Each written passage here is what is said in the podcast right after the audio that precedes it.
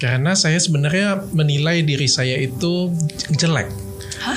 Saya pengen jadi dokter itu karena pengen kaya, itu sudah jelas. Rumah susun tuh lantai 5, itu tempat yang paling kumuh. Ya. Jendela itu kebuka, jadi benar-benar nggak ada kacanya, nggak ada ubin tuh nggak ada, jadi semen aja. Saya banyak bohong loh. Waktu SMP itu saya pernah bohong, apa ya? Banyak banget saya bohong. Eh, sukses, punya banyak uang, itu bisa merubah semuanya. Oh. Jadi kalau saya ngomong ya, saya ngomong Iya. ya, eh, definisi orang jelek itu sekarang sudah nggak ada lagi menurut saya. Kalau ada uang, semuanya itu bisa. Bagaimana seorang anak ranking 28 dari 32 siswa terus katanya juga eh, jelek, eh, bego ya seperti tapi sombong gitu.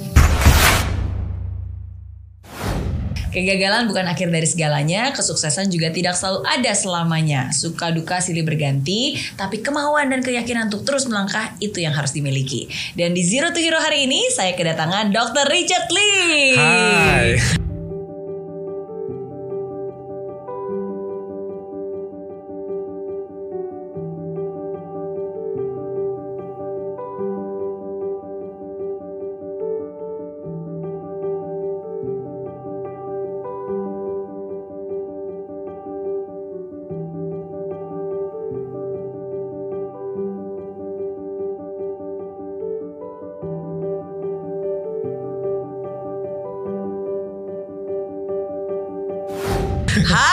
Thank you for having me.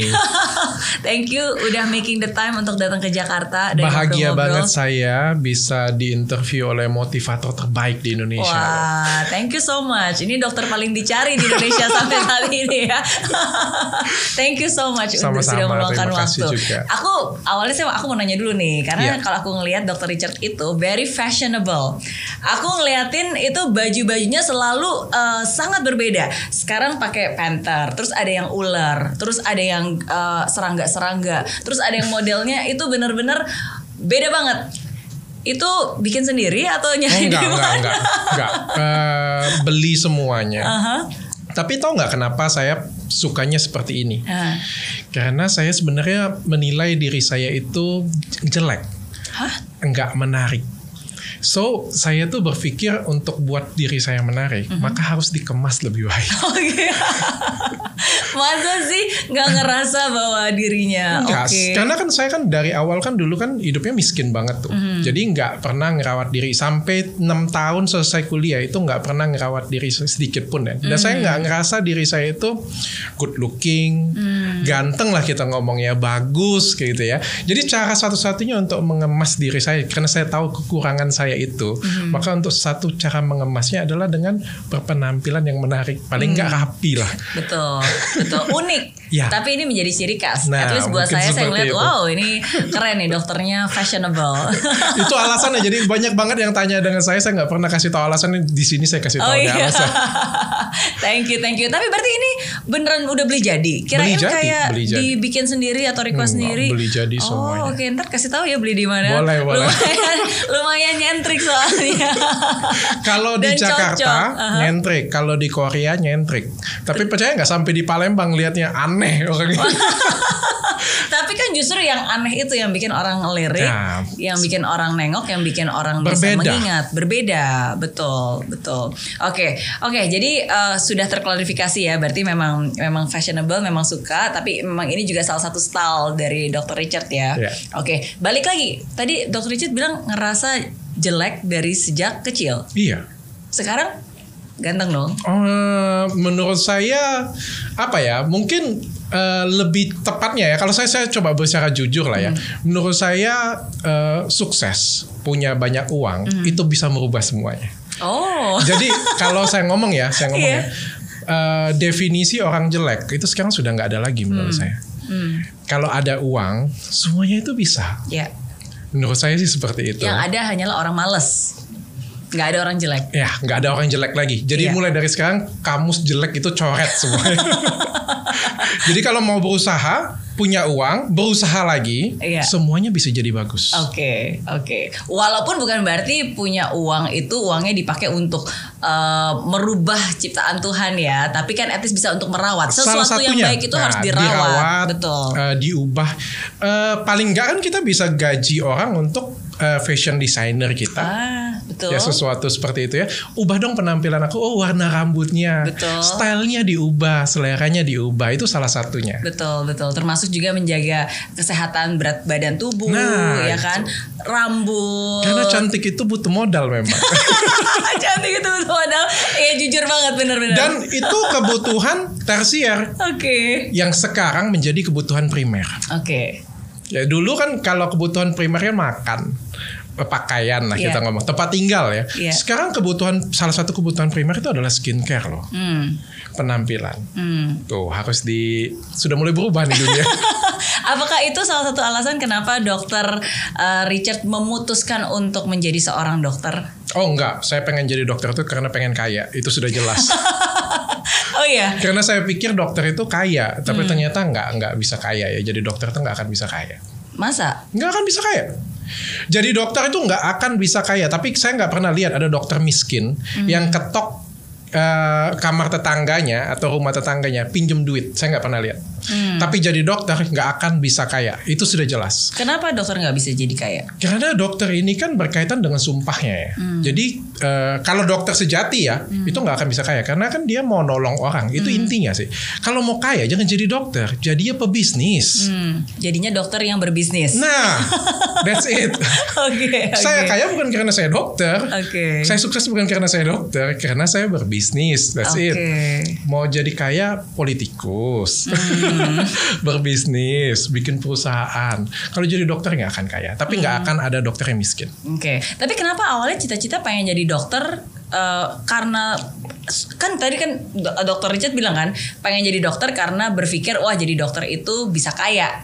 Berarti kan ada sebuah image, ada sebuah eh, apa ya role model pada saat itu. Gak ada sih, tapi kita kan tahu ya bahwa semua orang kalau kita lihat ya jadi dokter tuh pasti banyak duit. Hmm, Waktu di SMA itu pikiran saya arsitek belum tentu banyak duit. ya. pilot belum tentu banyak duit tapi pikiran nggak tahu pikiran anak-anak gitu ya kalau dokter itu banyak duit pokoknya Oke. setelah oke. lulus eh aku salah jadi dokter nggak banyak duit iya iya iya. Oke, tapi sekarang bukan itu yang dicari ya, bukan hanya uang yang dicari ya. kalau sudah di level uang atau materi mencukupi, Hmm. saya baru sadar kenapa sih Bill Gates itu buka foundation Hmm. dan kenapa dia nggak ngurusin perusahaan dia lagi, ngurusin foundationnya. Nah, Hmm. mulai ada panggilan di dalam diri kita ini, Hmm. yang apa ya? Oke, aku materi sudah cukup nih, aku pengen berguna lah bagi orang lain ya, Hmm. menginspirasi orang lain, bermanfaat bagi orang lain. Oke, itu mungkin ada hubungannya dengan di awal karena dari Dr. Richard sendiri ketika masih kecil pun juga bukan berasal dari keluarga yang kaya raya yang semuanya tercukupi. Bahkan sebenarnya sebaliknya ya, saya uh, sempat um, sempat ngelihat juga waktu itu Dr. Richard sempat share bahwa pas lagi kecil tuh dibilang apa jelek, kere. Hmm, miskin, Miskin. bego pula. Oke, apa uh, mungkin bisa diceritakan masa kecil yang paling diingat itu seperti apa sih pada saat itu? Saya tinggal di rumah susun itu pada waktu itu eh, nggak ada TV, jendela itu terbuka. Jadi rumah susun tuh lantai 5 itu tempat yang paling kumuh. Ya. Jendela itu kebuka, jadi benar-benar nggak ada kacanya, nggak ada ubin tuh nggak ada, jadi semen aja cuma. Dan cuma ada satu bangku, satu bangku itu plastik. Dan saya masih ingat waktu saya masih kecil, saya ngebakar kursi plastik itu. jadi sudah satu-satunya harta saya bakar pula. Kenapa dibakar? Bukan bakar ini. Jadi kalau anak-anak kan biasa kalau mati lampu kan senangnya main lilin ya. Oh. Jadi dibakar, kebakar lah. Kebakar. kursi itu. Dan itu Oke. saya nangis sedih banget ya karena itu harta rumah itu walaupun kursi plastik kecil. Oke, berapa bersaudara? Berdua. Berdua. Oke. Uh, lalu apa yang uh, terjadi? Bagaimana akhirnya dari seorang yang tinggal di rumah susun dengan kondisi seperti itu bisa punya mimpi dan akhirnya bisa mewujudkan mimpinya? eh apa ya? Saya dari dulu tuh ngerasa diri saya itu aneh banget ya. Jadi eh, suka berhayal, bermimpi. Orang tua saya tuh juga nyuruh saya tuh belajar, tapi saya tuh bego juga. Sekolah juga nggak pintar kan. Jadi sud- nggak ada ambilan sama sekali lah kata orang kan. Nah miskin, jelek pula, cupu kelihatannya kayak. gitu. Terus bego pula kan. Jadi kan nggak ada nggak ada ambilan. Nah mungkin berubahnya itu pada waktu di SMA.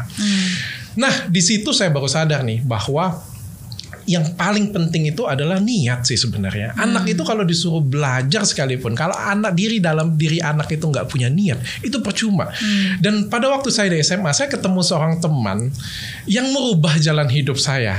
Orang ini yang bikin saya itu eh, justru menjadi rival saya Hmm. yang justru mengeluarkan keinginan saya untuk mengalahkan dia dan akhirnya kami berdua itu bisa lebih unggul daripada yang lain seperti itu. Hmm, Oke, kenapa tiba-tiba jadi punya niat? Dari mana munculnya niat itu? Biasa kan selalu ada trigger. Nggak ada, nggak sengaja. Jadi kita tuh, eh, saya tuh naksir satu cewek, Mhm. ditolak cewek itu. Teman saya ini naksir juga cewek itu, ditolak juga. Jadi berteman dua orang ditolak.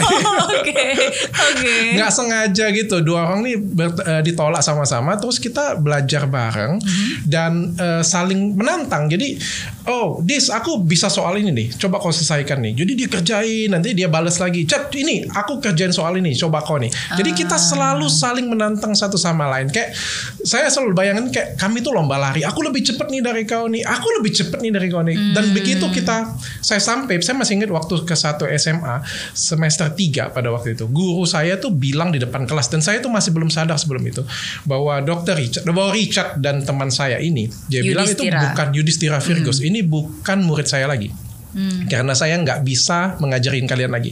Nah semua nilai kalian tuh 10 semua ini tidak ada satu pun yang salah dan pada waktu itu benar-benar heboh ya, benar-benar heboh dan saya tuh baru dapat gift yang wow ternyata saya bisa nih. Yang saya nggak punya selama ini hanya niat. Hmm. Dan pada waktu saya belajar FK, wah hafalannya kan tinggi ya. Saya tuh bingung ya, hafalan setinggi ini saya bisa hafal.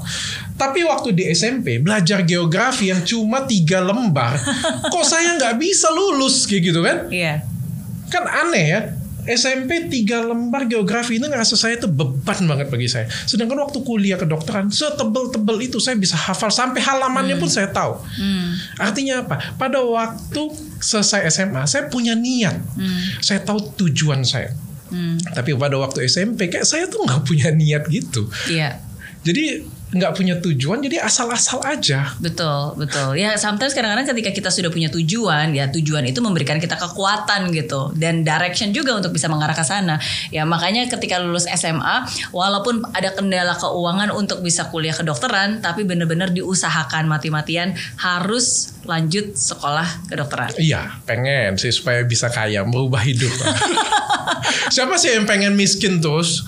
Ya apalagi eh, orang tahu banget dengan saya dari SMP kan saya dibilangin ambisius, Ya, ambisius, tapi nggak punya apa-apa, nggak punya skill. Saya dibilangin sombong. Teman saya bilang, boleh sombong. Dia bilang, asal kau punya sesuatu. Saya ini pengen banget. Jadi saya pengen, oke aku mau sombong nih. Tapi aku harus punya sesuatu. That's why saya pengen jadi kaya. Supaya saya bisa nyombong. Oke. Bagaimana bisa seorang anak waktu itu kan SMP berarti belum belum ranking dong. Ya Ranking 28 dari 32 siswa. Bagaimana seorang anak ranking 28 dari 32 siswa terus katanya juga eh, jelek, eh, bego ya seperti kata-kata dokter eh, Richard sendiri bukan kata-kata saya ya. Iya, Ini iya, saya iya. cuma mengutip sini nggak enak ngomongnya, oke? Tapi sombong gitu. Eh, sifat lahiriah kali ya. Hmm. Sifat orang itu kan ada yang eh, sifatnya memang sombong seperti Oke, itu ya. oke. Nah, saya mungkin saya dari kecil itu punya sifat seperti itu. Tapi sebenarnya Hmm. sombong itu kan bisa jadi menutupi rasa rendah diri saya. Hmm. Bisa jadi itu ya. Tapi pelan-pelan saya justru susun sombong ini untuk nyusun sesuatu kekuatan dalam diri saya. Supaya, se- supaya saya punya alasan untuk nyombong. Hmm. Iya, iya. Untuk menutupi eh, Dulu. minder pada saat itu ya. Dulu saya sombong untuk nutupin mindernya saya. Iya. Saya banyak bohong loh. Waktu SMP itu saya pernah bohong apa ya? Banyak banget saya bohong. Cewek itu naksir saya kayak gitu. Padahal nggak ada yang naksir. itu cara saya menutupi. Iya. Ya, saya pikir semua orang pernah pasti melakukan hal seperti itu ya. Jadi sombong untuk kalau eh, kata orang tuh ngebacot dengan teman. Oke. Aku Oke. bisa loh kerjain ini kayak gitu punya. Aku bisa loh kayak gini punya. Padahal nggak bisa. Iya, iya. untuk nutupin rasa kecil Low di diri saya. confidence-nya Iya. kita Tapi ya. pelan-pelan setelah kita sadar, apalagi ketemu titik baliknya kayak gitu ya, kita jadi pengen ngumpulin nih. Karena sifat Hmm. sombongku kayak nggak bisa berubah nih. Satu-satunya adalah caranya adalah lebih bagus aku tonjolin supaya aku bisa sombong dengan bebas. Iya. Tapi at least sekarang yang disombongkan juga ada bukti nyatanya, bukan sesuatu yang eh, apa. Dan yang saya sadarin ya, ya. orang orang sukses atau orang kaya Iya. kalau nyombong itu justru menginspirasi orang lain. Iya. Benar nggak? Ya, uh, well uh, betul setuju. Tapi mungkin mungkin apa ya? Mungkin katanya bukan. Mungkin saya, saya kurang setuju kalau dengan kata-kata sombong ya. Karena kalau kata-kata sombong itu kan uh, persepsinya negatif. Nah, sombong ya. dengan yang lebih halus Betul. tuh. Tapi orang-orang sukses harusnya kita tidak boleh takut untuk bisa menunjukkan kelebihan Nah, kita. oke. Uh, kita tidak boleh takut untuk untuk menunjukkan dan membagikan sinar kita. Karena dengan kita menunjukkan sinar kita itu sebenarnya menyalakan lilin-lilin orang lain yang juga sebenarnya sekarang sedang berjuang gitu. Betul banget itu kata-kata halusnya. betul betul. Karena kalau enggak soalnya kadang-kadang nih ada orang suka salah persepsi ya. Maksudnya kalau kita berbicara tentang sombong, terus nanti mereka akan mengambil harafiahnya aja. Oh kalau gitu eh, nggak apa-apa. Yang penting Oh, eh, yang penting ya udah pokoknya it's okay to be arrogant gitu. Ini kan diri gue, ini kan cara saya gitu. Dan sedangkan nanti takutnya eh, orang berpikirnya berbeda. Ada beda tipis antara percaya diri dan sombong. Betul, betul, Iya betul, kan? betul. Benar. Orang percaya diri ya udah dia dia bisa naik ya karena dirinya dia, tapi orang yang sombong ya dia naik dengan merendahkan orang lain. Tapi orang percaya diri juga butuh sombongnya juga sebenarnya. Hmm. Iya. Kalau enggak dia nggak akan nggak akan keluar juga pasti. Iya, iya. Jadi ya memang dua-dua ini saling berkaitan tapi memang ada sisi negatif dari sisi sombongnya itu. Betul, betul. Ya, but, but it's okay. At the end of the day, kalau dari prinsip saya sih, yang paling penting adalah outcome-nya seperti apa. Karena pemikiran orang bisa berbeda, pandangan orang bisa berbeda, tapi yang dihasilkan, Nah. apakah itu outputnya positif atau tidak. Selama itu outputnya positif, maksudnya dengan kita sombong tapi outputnya positif, jadi uh, inspirasi Bisa atau jadi memberikan sinar pada orang lain ya. Orang lain ya dan then it's fine tapi kalau misalnya kita lakukan itu outputnya malah jadi negatif ya mungkin kita harus berpikir dua tiga kali sebelum melakukan hal itu gitu sih Kerja itu untuk berkarya bukan untuk gajian. Hmm. Jadi waktu itu saya nangis dengan papa saya. Papa saya dengar cerita ini lagi saya masukin di YouTube dia sampai nangis banget. Ya,